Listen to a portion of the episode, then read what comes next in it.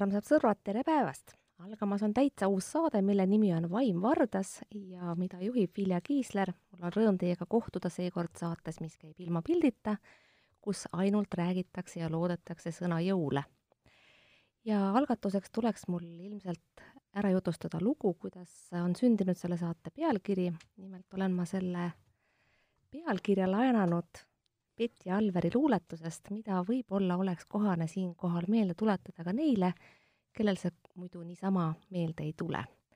niisiis ma loen selle Betty Alveri luuletuse, mis on kirjutatud muide aastal tuhat üheksasada kolmkümmend üheksa siinkohal ette. ja see kõlab nii. vaim, kandes kord triumfipärgi ja rikast rüüd, praevardas väntas nuumad härgi, kuid nüüd, kuid nüüd jõuk püsib nüriduses hardas ja pärg on pärg. kuid sõber tea, nüüd vaim on vardas ja väntab härg.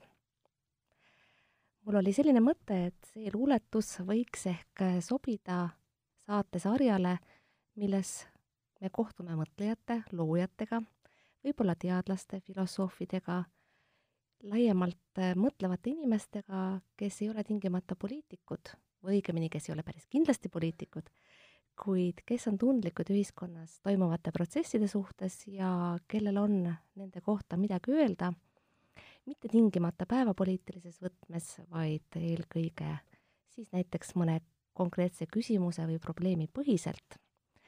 ja säärase küsimuse asetuse oleme valinud ka tänase esimese külalisega koos, tere tulemast, Maarja Kangro, kirjanik, luuletaja, tõlkija tere, aitäh, et kutsusid mind kohe esimesse saatesse. väga austav ülesanne ja loodan olla selle kõrgusel.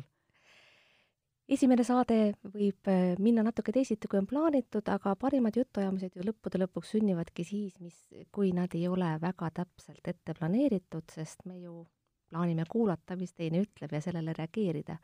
aga algatuseks võib olla, kui, kui ma nüüd pidin selle sarja alguses selgitama, kust on pärit pealkiri, siis äh, võib-olla sa ka meenutaksid mõne sõnaga oma suhet Betty Alveri konkreetsesse luuletusse ja miks mitte ka lühidalt tema loomingusse laiemalt? kui ma seda luuletust lapsena lugesin, siis see tundus niisugune õige asi ja täitsa nii, ütleme siis vaike arusaam vaimu ja võimu suhtest, aga aga hiljem bordiöölikus võtmes olen ma ja muidugi jõudnud seisukohale, et äh, see härg on mõnes mõttes alati midagi seal vändanud ja, ja vaim on alati sõltunud äh, mingisugusest äh, minimaalsestki jõukusest või, või sellisest noh, varalisest turvatundest. ta on, ta on sellega kuidagi alati seotud olnud, midagi ei ole teha, niisugune sõltumatu kunst, mis on üldse paarsada aastat vana, on siis hiljem hakanud ja, ja omakorda olenema sellest, kas looja on pärit piisavalt jõukast habitusest või perekonnast või siis kas tal on jõukaid sõpru või kas ta suudab ennast müüa. et mõnes mõttes nii nagu Brecht kirjutab kolme Krossi ooperis Erst kommt das Fressen, dann die Moral, kõigepealt tuleb õgimine ja seejärel moraal, äh, selles on oma tõetera, kuigi muidugi ilus ja õilis on niimoodi mõelda, et oh, kunagi on olnud need ajad, kus vaim kandis pärga ja oli kusagil kõrgel poodiumil ja asjad olid nii-öelda õigetes ütleme, et asjad olid siis kuidagi õigesti säetud rollide ja, ja võimaluste paigutus oli nii, nagu ta peab olema. aga ma kardan, et niisugune väike rüselus ja ebaõiglus on, on asja juurde alati käinud, kahjuks. mulle tundub samamoodi ja see on ka põhjus, miks ma selle saate pealkirjaks valisin, muidugi tuleb tunnistada ka, et va-, teatav selline algriimi võlu kõnetas siin mind, aga omalt poolt siis toon esile ka sellist kolm põhjust, üks on muidugi teatav poliitiline konnotatsioon, mis ilmselt Alleveril ka oli siin sees, aga mis on igiaktuaalne ja sobib tegelikult igasse ajastusse, teisest küljest võiks selles pealkirjas kuulda vaimu tõmbamist vardasse nagu lippu, sest äh, miks me peaksime alati lippe vardasse tõmbama, võiksime tõmmata ju ka vaimu sinna vardasse. Ja lõppude lõpuks pahatahtlikele tõlgendajatele jääb alati võimalus rääkida pahast saatejuhist kui härjast, kes vaimuinimesi siin kiusab, kuigi mul kiusata kavatseb ei ole plaanis no natukene see muidugi nii on jah, ikka tunned teatavat ärevust, eriti kui sa oled veel esimese saate äh, külaline, kes, kes peab kuidagi nagu niisuguse avapaugu veel tegema. Aga äh, jah, see vaimu kui lipuvardasse tõmbamine on ka täitsa pädev võrdlus minu meelest või kujund, on, on vaimuinimesi, kes hea meelega ronivad lipuna lehvima ja siis vastava võimu soovil või siis vastava võimu kuulutamiseks ja propageerimiseks. on, on niisuguseid, on neid, kes tahavad pigem seda opositsioonilippu kogu aeg vardasse tõmmata ja ise pigem siis opositsionäärina, kui nad peaksid lipud olema, siis nad oleksid opositsioonilipud ja noh, mina võib-olla natukene loomu poolest kaldud minema olema, selles suunas, jah. kaldud ja. olema praeguse võimuga opositsioonis no,? praeguse võimuga kohe kindlasti, aga mul on tunne, et, et mul on ka natukene sellist põhimõttelise opositsionääri, ütleme siis ajuehitust või et noh, mul, mul on kalduvus hakata kohe kritiseerima, vaatama, et olgu see asi on nüüd praegu meil kuulutatud kehtivaks, aga aga kas tal on ikka täisõigustus sellele olemas? no aga vähemasti Reformierakonna pika valitsemisaja jooksul ei käinud sa kordagi Toompeal piketeerimas, sai nüüd praegune valitsus võimule, oled sa hakanud käima. Lausa kord nädalas, vist praegu on tekkinud teatav paus ja võib-olla koroona levides tekib neid, tuleb neid pause juurde, aga siis reformi ajal sa ei käinud piketeerimas? võid, käisin ka reformi ajal piketeerimas, ma isegi käisin võimu vastu sõna võtmas miitingul äh, kahe tuhande kaheteistkümnenda aasta lõpus ja oli selline liikumine nagu Aitab valelikust poliitikast, kui ämma kapist leiti rahad ja mina võtsin, saanud juba siis, jah? jaa, mina võtsin sõna lausa Tammsaare pargis, nii et ei saa midagi öelda et.... seega on sul siis äh, pidevalt selline opositsiooniline hoiak selle valitsuse suhtes, mis on parasjagu võimul, olenemata sellest, missugune see valitsus on? ma ikka väga ootan, et äkki tuleb kord ka selline valitsus ja kellega ma saaksin, noh, ütleme siis, ma ei taha neid protsente öelda, aga suures osas pidevalt nõus olla. aga ma arvan, et ma pean seda ise ka kuidagi eluterveks, et äh, see kriitiline vaim ei kao kuskile, et sa ikkagi kogu aeg oled, oled valmis äh, revideerima seda, mis toimub, vaatama, et hea küll, niisuguse programmiga parteid said võimule, aga kas nad nüüd käituvad sellele programmile vastavalt, kas see, mida nad teevad, kas ma sellega olen täiel määral nõus või mitte selles mõttes on sul tegelikult samasugune hoiak nagu ajakirjanikul, kes on pidevalt kriitiline nende suhtes, kes võimu jagavad ja teostavad. kui ma mm, vaatasin sinu sõnavõtte, poliitilisi sõnavõtte, mul jäid silma mõned värskemad, siis äh, muidu mul on väga kahju, et need kõned pole ilmunud, neid pole nii palju, aga võib-olla neid koguneb, siis ma tegelikult paluksin sul võib-olla nende inimeste jaoks, kes ei ole neid kõnesid lugenud või ei ole äh, sinu poliitilist aktiivsust endale teadvustanud, sõnastada siin ja praegu, mis sind õigupoolest häirib selle valitsuse juures, praeguse valitsuse juures, sa oled üks neid, kellega me saame kõnelda ka täiesti aktuaalsest poliitikast. jah, mind äh, häiris, kui ma võtsin sõna kolmekümnenda märtsi demonstratsioonil äh, Vabaduse väljakul enne, kui see valitsus oli äh, Äh, veel päris kokkugi pandud, ammugi enne selle ametisse astumist, siis äh, põhiliselt äh, mu kartused või, või minu selline kriitika oli suunatud sellele, et niisugune valitsus võib hakata oluliselt meie vabadusi piirama, võib hakata mõjuma negatiivselt äh, igasuguste vähemuste vabadustele, võib äh, tugevasti kahjustada Eesti rahvusvahelist mainet, mis muidugi ongi juba juhtunud ammugi. aga isegi sina ja, pead see valitsus möönma, on ebapädev. aga isegi sina oled pidanud möönma, et kedagi pole vangi pandud, otseselt ei ole kedagi ära lintšitud, kõik need kõige halvemad asjad meiega pole juhtunud. ja seda ma pidin tunnistama siis äh, eelmise aasta septembris toimunud meeleavaldusel. nimelt, aga samas me peame endale aru andma sellest, et päris palju on siiski muutunud ja kui ei ole ka toimunud selliseid otseseid repressioone, ma paneks need repressioonid siin praegu jutumärkidesse, siis mentaalsuses on siiski toimunud oluline nihe. oskad sa seda kuidagi sõnadesse püüda? jah, no palju kasutati tolleaegsetel meeleavaldustel seda konna keetmise kujundit, et kuidas konn ei pane tähelegi, kui aeglaselt, aeglaselt, aeglaselt keeratakse neid veekraade kuumemaks, siis kui praegu nagu küsida, et kas see konn on siis päris ära keedetud, siis ma ütleks, et ta on pigem nagu hapnenud ja kuidagi jah, kergelt hapuks läinud need veekraadid ei ole olnud nii kuumad, kui võib-olla oleks võinud karta, sellepärast et äh, ega EKRE nüüd äh, eriliste kangelastegudega uhkeldada ei saa, et peale alkoholiaktsiisi langetamise nende aktiva poolele õnneks äh, väga palju tegusid ei jää. võõrtööjõud lubati ikkagi maale, mis sellest, et osa maasikasaagist läks mokka, MTÜ-d, mis äh, edendavad võrdõiguslikkust ja saavad ikkagi riigilt oma rahastuse. Ja põhimõtteliselt äh, on see olnud nii, et need demokraatlikud institutsioonid on, on suutnud veel ikkagi edasi toimida, teised valitsuse liikmed muidugi on kiiresti tõtanud EKRE-lasi nende ebapädevuses välja vabandama.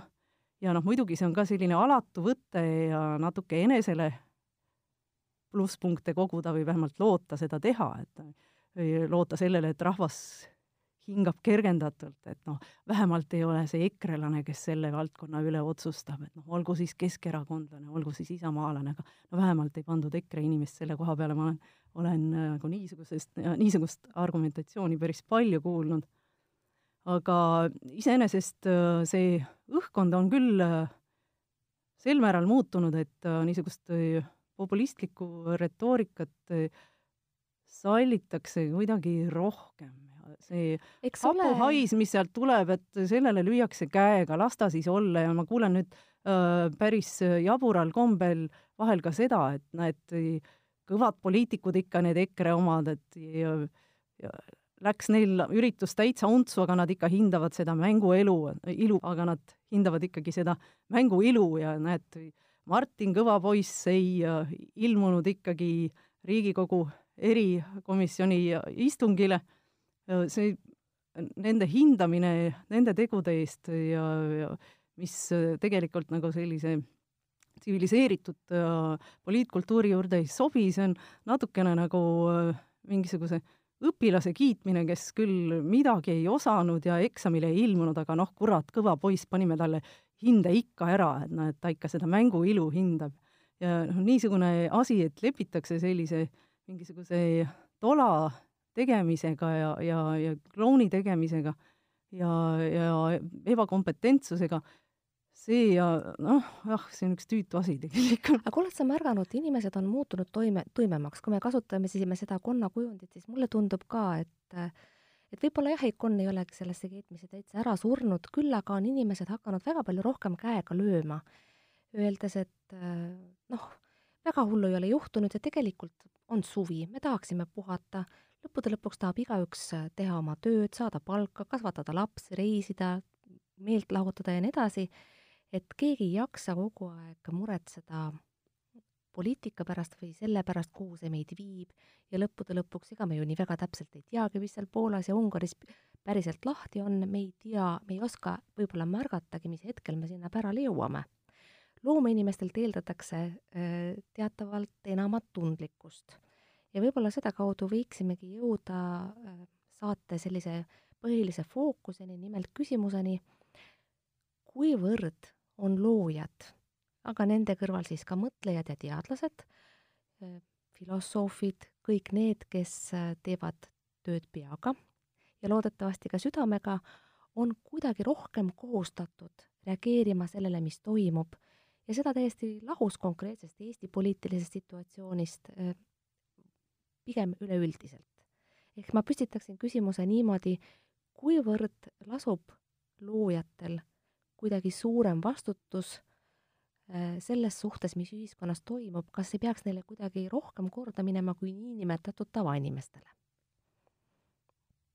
kõigile inimestele peaks see korda minema, mis poliitika maailmas toimub.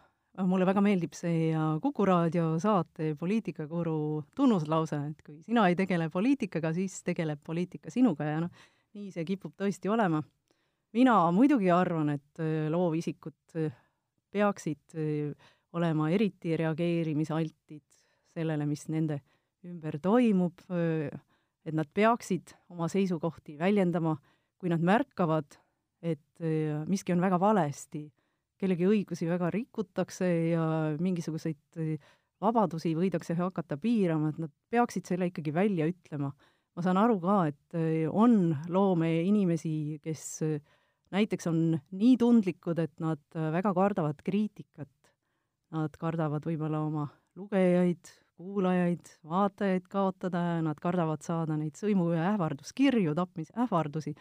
ja noh, mis siis teha, eks ole, kui inimene kardab, siis tema kardab, kuigi mina ei pea argust eriti seksikaks omaduseks, aga eks see on minu viga. ja ma saan aru ka, et, et on neid, kes võib-olla ei võta poliitiliselt sõna sellepärast, et neile tundub, et see on ju ilmne.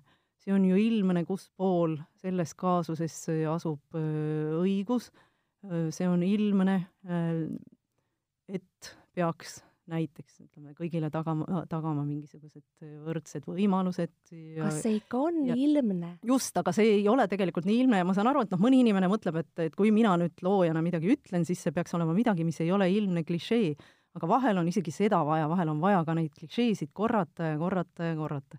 aga ei saa ju kuidagi öelda, et äh, loojad oleksid loonud mingisuguse teatava ühisrinde poliitikas või kaugelt, kaugel sellest, tegelikult ei saa väita isegi seda, et nii-öelda kultuuritegijad, äh, interpreedid ja, ja kirjanikud ja tõlkijad saaksid üldse ühtemoodi aru sellest, mis toimub.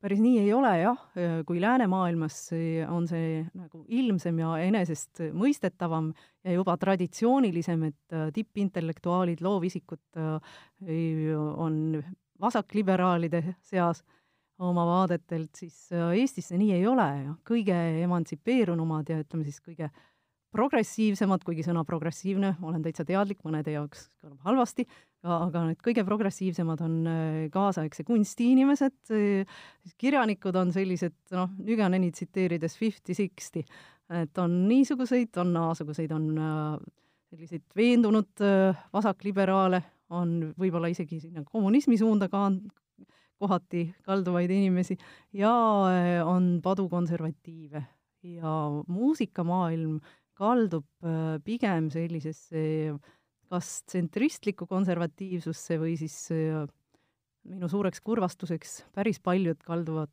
ja päris tugevasti sinna noh, öelda paremäärmus, see nüüd jälle kohe solvab paljusid, aga, aga on välja tulnud, et, et päris mitmeid EKRE toetajaid on ikka nende seas. muusikute hulgas? muusikute hulgas paraku jah.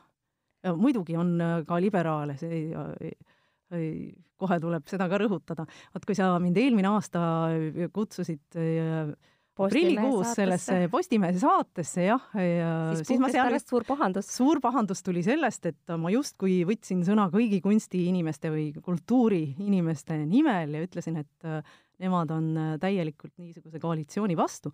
ma oleksin pidanud täpsustama, et andekamad, arukamad, huvitavamad ja säravamad loojad on igal juhul niisuguse koalitsiooni vastu. Ja sellest ma nüüd ei tagane, et palju selliseid äh, keskpäraseid ja omamoodi ja inimesi tegi siis pärast mulle märkuse selle koha pealt ja ma sain tõesti aru, et see oli minu viga, et ma ei tunnistanud, et tõepoolest nende loovisikute ja kultuuriinimeste seas on ka neid, kes äh, jäävad sinna noh, tugevasti serva poole pare-, pare-, paremas ääres. Kuivõrd üldse sellistel määratlustel, ma vaatan, sa kasutad ka päris kerge käega vasakliberaal, paremäärmuslane, aga mul on hakanud järjest enam tunduma, et sellised äh, määratlused ei kata sugugi kõiki võimalikke vaadete komplekte ja veelgi enam, need vaadete komplektid võivad olla erakordselt heterogeensed, kuivõrd meil üldse on mõtet selliseid silte noh, välja öelda, jagada, kellelegi otsa ette kleepida. ma olen ise kogenud korduvalt, et noh, ka, et ka mulle näiteks kleebitakse mingeid silte otsa ette, aga ma enamasti ei tunne, et ma nendega sellises vastavuses oleksin, nagu ütlejad leiavad?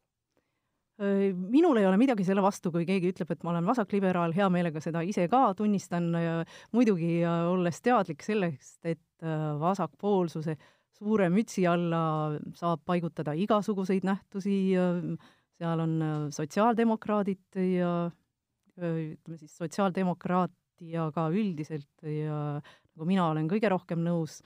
aga erakonda kuuluvad... sa muide pole astunud? ei, ma ei ole ühtegi erakonda astunud, ei ole niipea kavas ka aga no, miks? näiteks äh, päris paljud kirjanikud on ju Sotsiaaldemokraatliku Erakonna liikmed, mul tuleb pähe kohe Karl-Martin Sinijärv, Jürgen Rooste, kes on küll praeguse seisuga välja astunud, kui nimetada esimesi pähe tulevaid.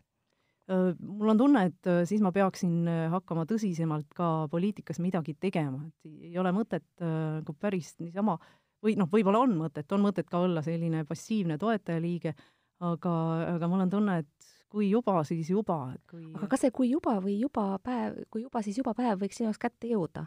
Noh, ma võib-olla praegu viskan äh, üle vindi, aga mm. no miks me ei võiks sind ette kujutada kultuuriministrina? mind ei ole ükski, ükski partei kutsunud õnneks seni, sest äh, mu väljaütlemised on ka vahel nii karmid, et äh, see võib-olla ei ole äh, jah, kõige äh, parem progno-, prognoos diplomaatilisele käitumisele, et kuidas mina olen avalikkuse ees esinenud seni seda ohtu ei ole, et mõni partei püüaks mind enda poole meelitada.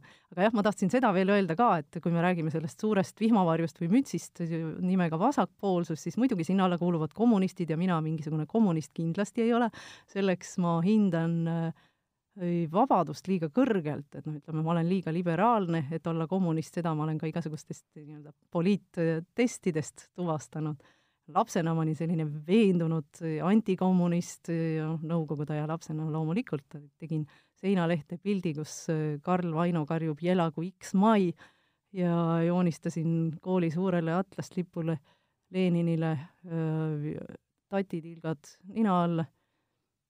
aga samal ajal ma lugesin äh, lääne kirjanikke, kes olid vasakpoolsed, lugesin Brechti, lugesin prantslasi ja ma sain kohe aru, et äh, see lääne vasakpoolsus on hea asi. ja ma suutsin nagu sellel kiiresti vahet teha, et Nõukogude kompartei ja Nõukogude kord on üks kõnts, aga samas vasakpoolsus kui selline, noh, tollal ei olnud sõna õiguslus, aga õiguslus kui selline, see on hea asi. ja ma arvan, et tegelikult nendel nähtustel vahet teha ei ole nii raske, kui isegi kaheteistaastane laps sai sellega hakkama see on väga huvitav mõttekäik, ma vaatan, sa oled Bertolt Brechti kaasa ka võtnud, me ei taha minna igasugustesse lihtsustustesse, aga ma arvan, et nii mõnigi, kes seda saadet kuulab ja kes ei ole Brechti loominguga kursis, ütleb muidugi, Kangro võttis kaasa vana kommuniste, mis sa temast õieti ootadki. tegelikult on asi palju keerulisem. asi on muidugi palju keerulisem, jah. Brecht on muidugi äärmiselt andekas ja poliitluuletaja või ühiskondlikel teemadel luuletaja ja kui, äh, kui meil enne tuli jutuks äh, see, kui keedetud see konn ikkagi on, äh, siis ma leidsin, et üks Brechti luuletus tasalülitatutele Andi Gleichgeschalteten sobiks seda illustreerima väga ilusti. ma siis loen osa sellest luuletusest ette, see on igavene pikk, kõike vist ei jõua.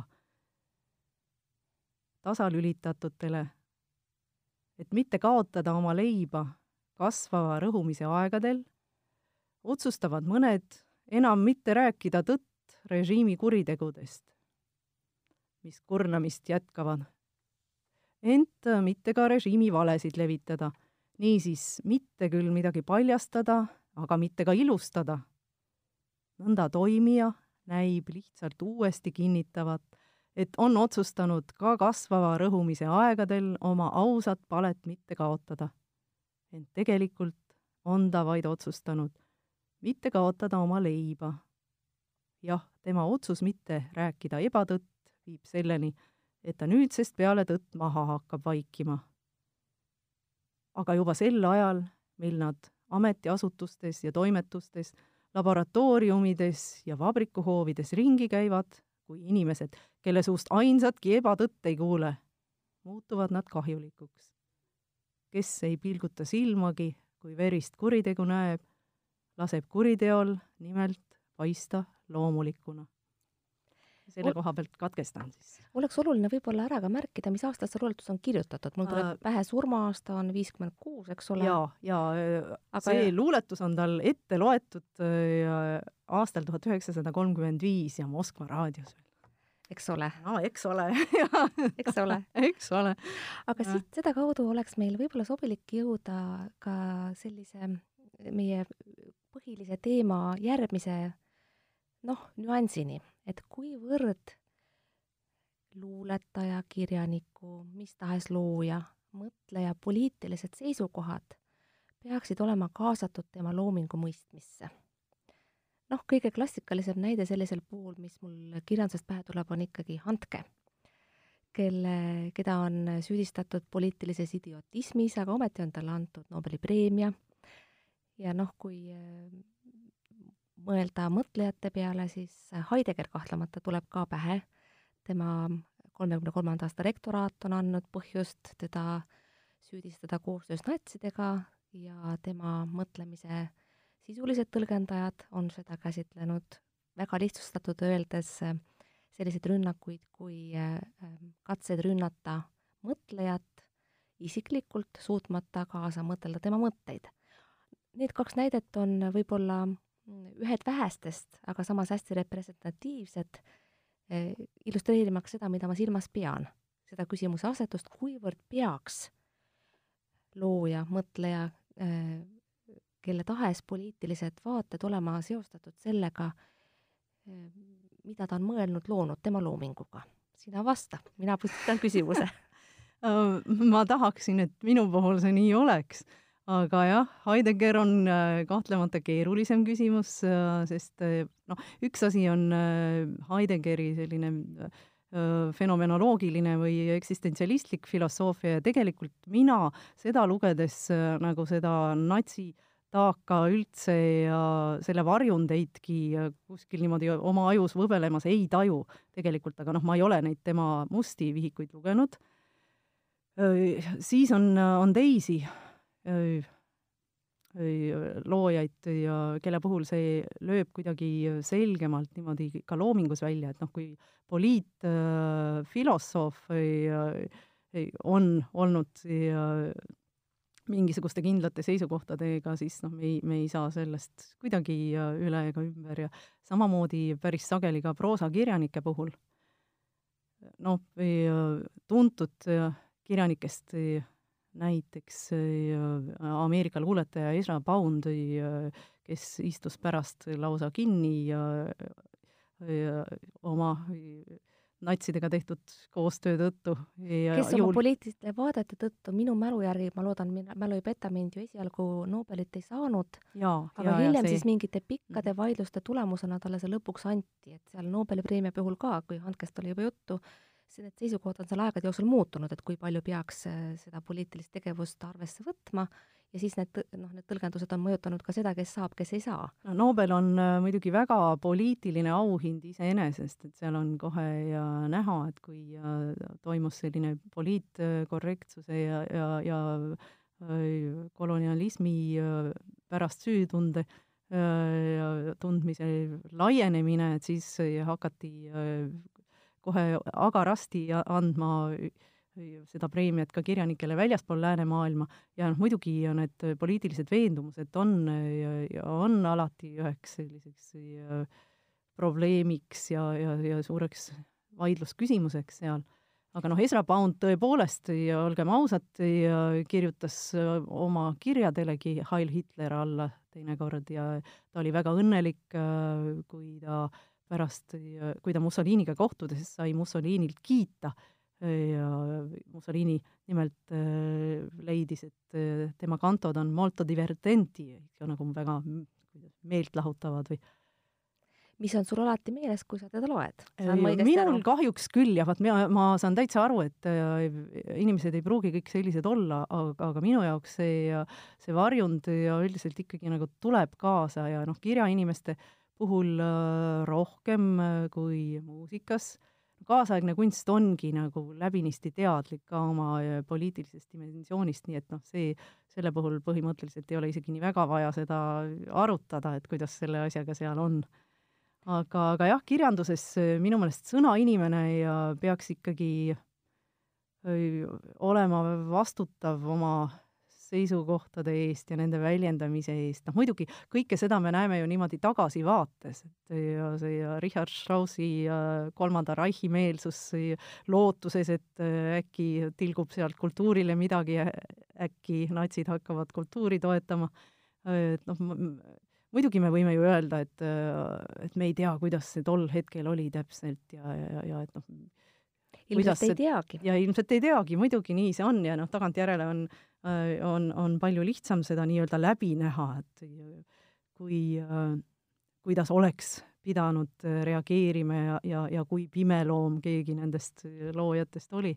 ma olen selle üle palju mõelnud, et tegelikult väga suurte poliitiliste pöörangute keskmesse sattunud inimesed, olgu nad kes tahes, loojad või mõned teised, e, on väga keerulises olukorras, selles seisus, kus need muutused toimuvad, ei saada tegelikult enamasti aru, mis on parasjagu teoksil ja see perspektiiv ja mõistmine saabki tekkida suuresti tagantjärele, kuigi me võime ju kergesti ette kujutada, et meie sinuga oleksime kindlasti taiba, oh, taibanud, mida teha või mida mitte, aga noh, see olgu öeldud enes-, eneseirooniliselt, eks ole. no seda küll, jah.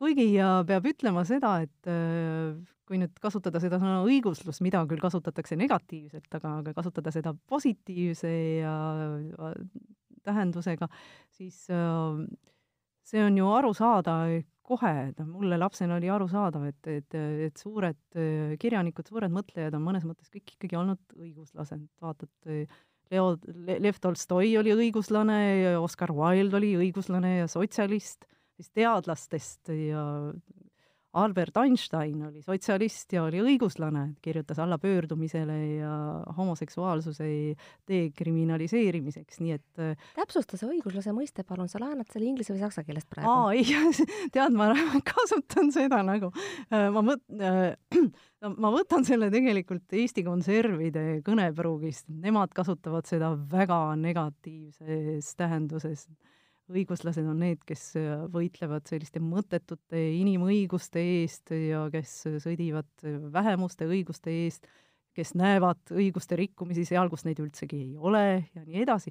aga noh, mina pean siin nagu positiivses tähenduses õiguslase all silmas kedagi, kes tõepoolest täiesti õigustatult seisab inimõiguste eest, seisab sallivuse eest, seisab vabaduste ja avatuse ja mõistvama maailma nägemise eest, kas, muidugi vähemuste eest kas, kas pole huvitav, me, me peame tunnistama, et see, mis on poliitikas teoksil, on juba muutnud meie kõnepruuki, sina, keda, kellest ma eeldaksin, et ta laenab otse prantsuse, saksa või inglise keelest, tunnistab, et ta laenab oma sõna ühe konkreetse partei terminoloogiast. aa ei, see ei ole, see, see, see termin läks käibele ammu enne selle partei esile kerkimist tegelikult. aga see selleks, et ma võib-olla viiks selle teema fookuse ka sinu enda isiku juurde, sest mulle tundub, et sa oled üks neid, kelle puhul selline poliitiline sõnavõtlikkus, poliitiline aktiivsus ja ilukirjanduslik looming on omavahel äh,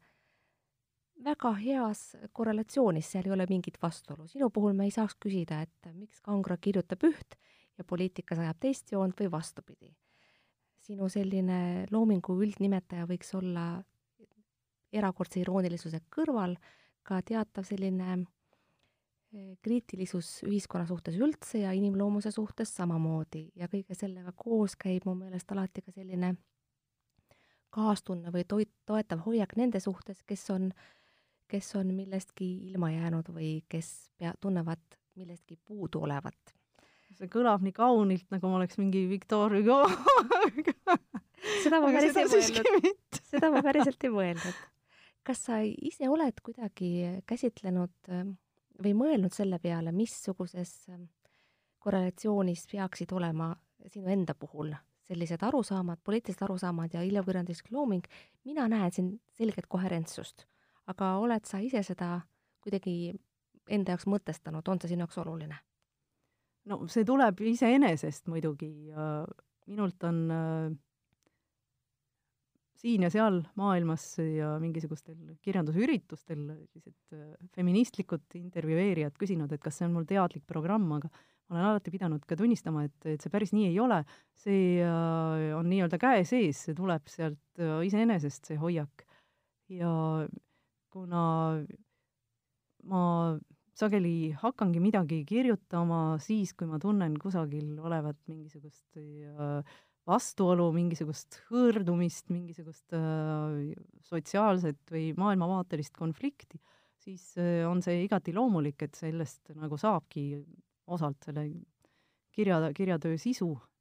kui palju sa ise tunned seda ebamugavust, mida tunneb lugeja, kui sa kirjeldad kõiki neid ebamugavaid stseene, olgu oma proosas, juttudes, minu meelest sa oled ebamugavuste kirjeldamise meister, seal on alati kellelgi halb, kellelgi läheb kehvasti ja noh, sageli on see mina tegelane veel, kellel kehvasti läheb.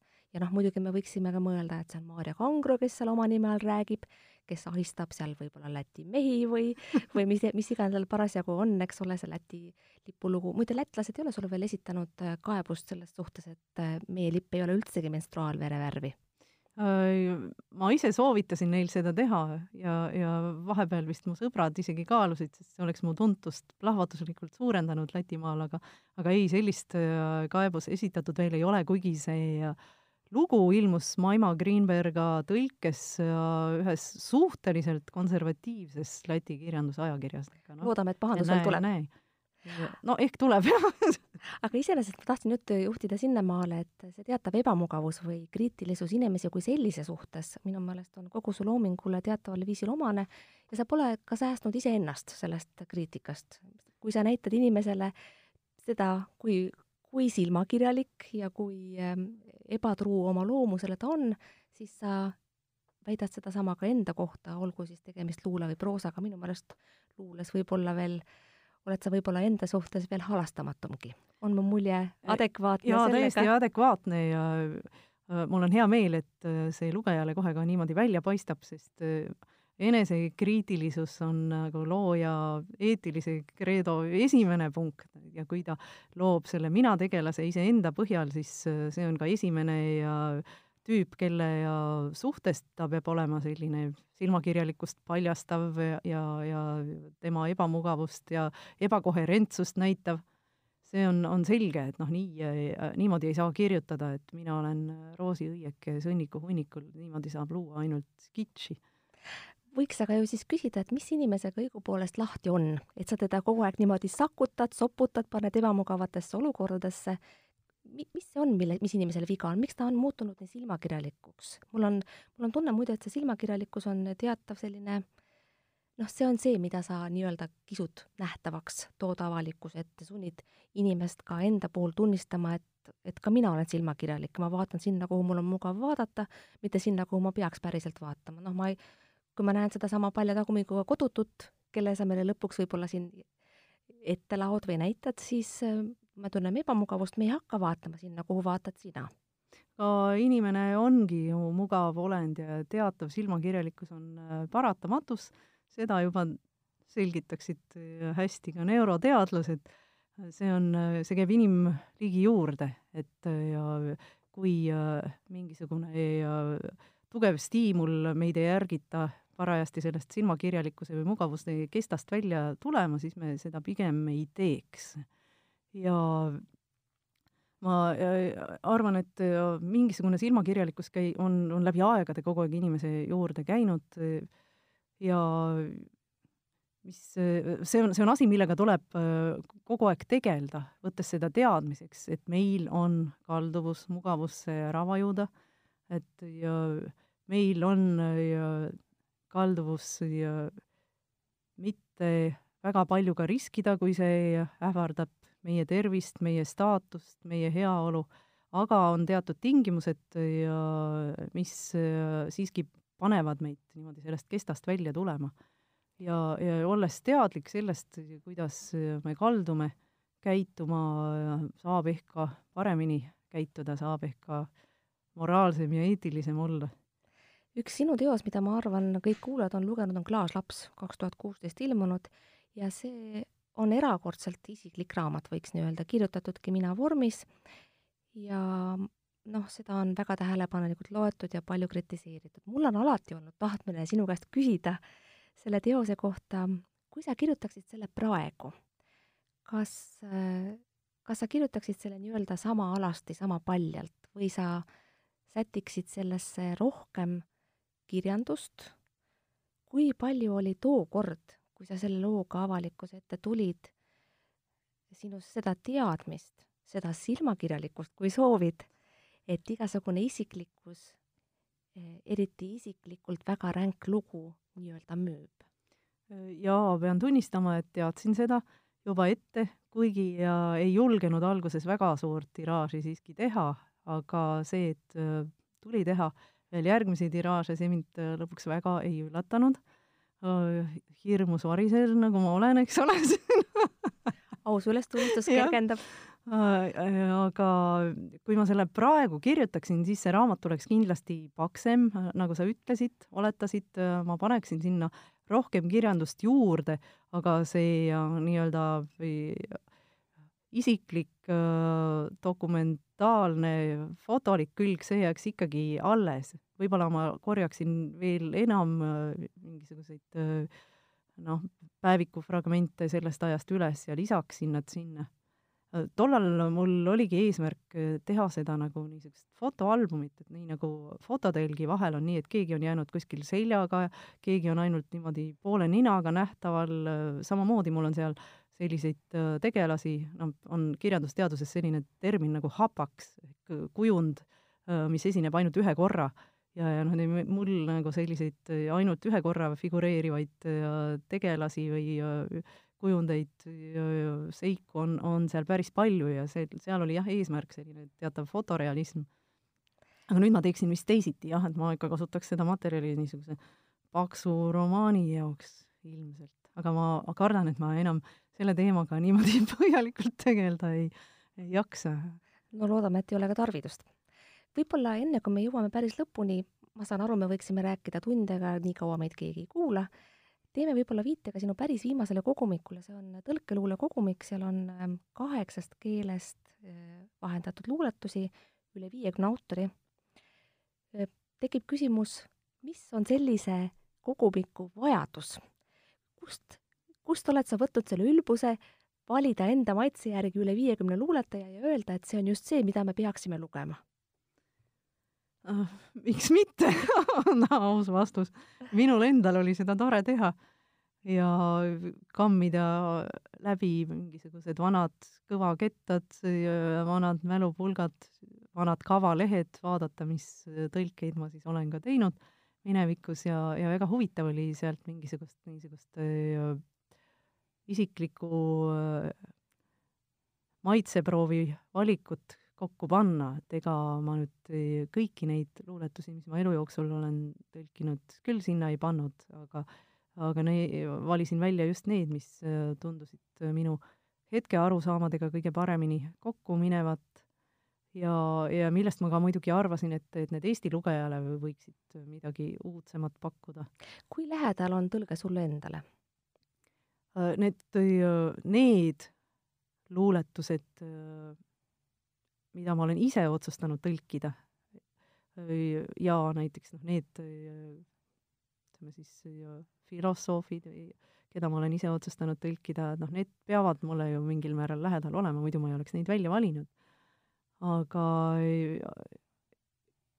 tellimustööde puhul, nojah, ma pean ütlema, et ega ma vist viisteist aastat sellist rämedat tellimustööd üldse enam teinud ei ole kuidagi on vedanud selles suhtes, et on nagu jah, pean olema muidugi tänulik ka Kultuurkapitalile selle eest, kes jätame... lahkesti toetab raamatute väljaandmist. jätame selle siinkohal praegu vahele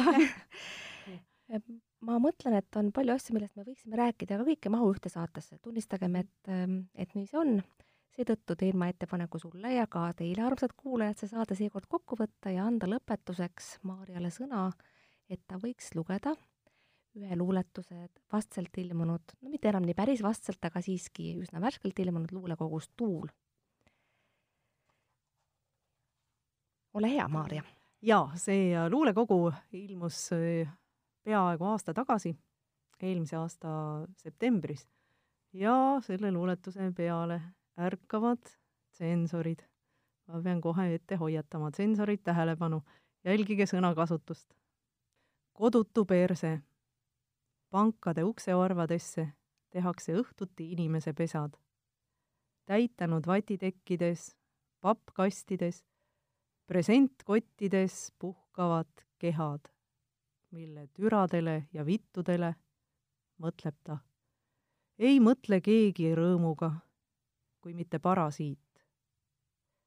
aga mind, mõtleb ta tõsi küll, ei huvita nendegi türad ja vitud, kelle randme ümber on pannaldatud sajatuhandene Patek Philippe. keskklass, mõtleb ta. keskklass ainsana kütab, paneb näärmed tööle. keskklass, keskklass, Honda ja Bachi armastus. või isegi kehva palga juures mõni Baudelaire'i tsitaadike, Uffizi, Guggenheimi ja Whitney külastused. ainult keskklassist tuleb ideid, paindlikkust.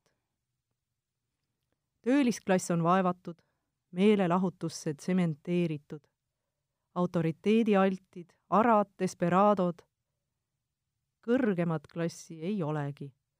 on röövlid ja nende mandunud metseenidest järglased. aga sõpra pole veel kohviku ees väljaku kivipinkidel räägitakse, kallistatakse. ühel lamab kaltsakas, püksisäär pikalt lõhki. tagumik, jaa, kollakas, roosad tuharad väljas. see sõna tuharad, mõtleb ta, järgmiseks tuharalihas, öelda kuivalt marginaali tuharad. ta läheb lähemalt mööda. valendav tagumik lausa õitseb karges kera-, kevadõhtus. ta jälgib möödujaid nemad ei märka. jalutab aeglaselt tagasi. karvase perseprao kurbus ja salapära. kohviku ees pole ikka veel sõpra. Ralph Laureni kampsunit kannab ta ja pärlkõrvarõngaid. aga mehel on valkjas liha. kas ta keeras end nüüd veidi? kas on aimata ka munandit? ja tõesti on. kõigile eksponeeritud perse kohatu presentne munand. keegi ei vaata. suur sallivus. ta astub veel lähemale. aitäh, Maarja, head sõbrad, võtke heaks või pange pahaks, aga see oli saatesarja Vaim Vardas esimene saade, saatejuht oli Vilja Kiisler ja järgmises saates kohtute te kellegi teisega, ma loodan, et teil on sama põnev kui täna Maarja Kangroga, aitäh, et kuulasite, kuulmiseni, nägemiseni!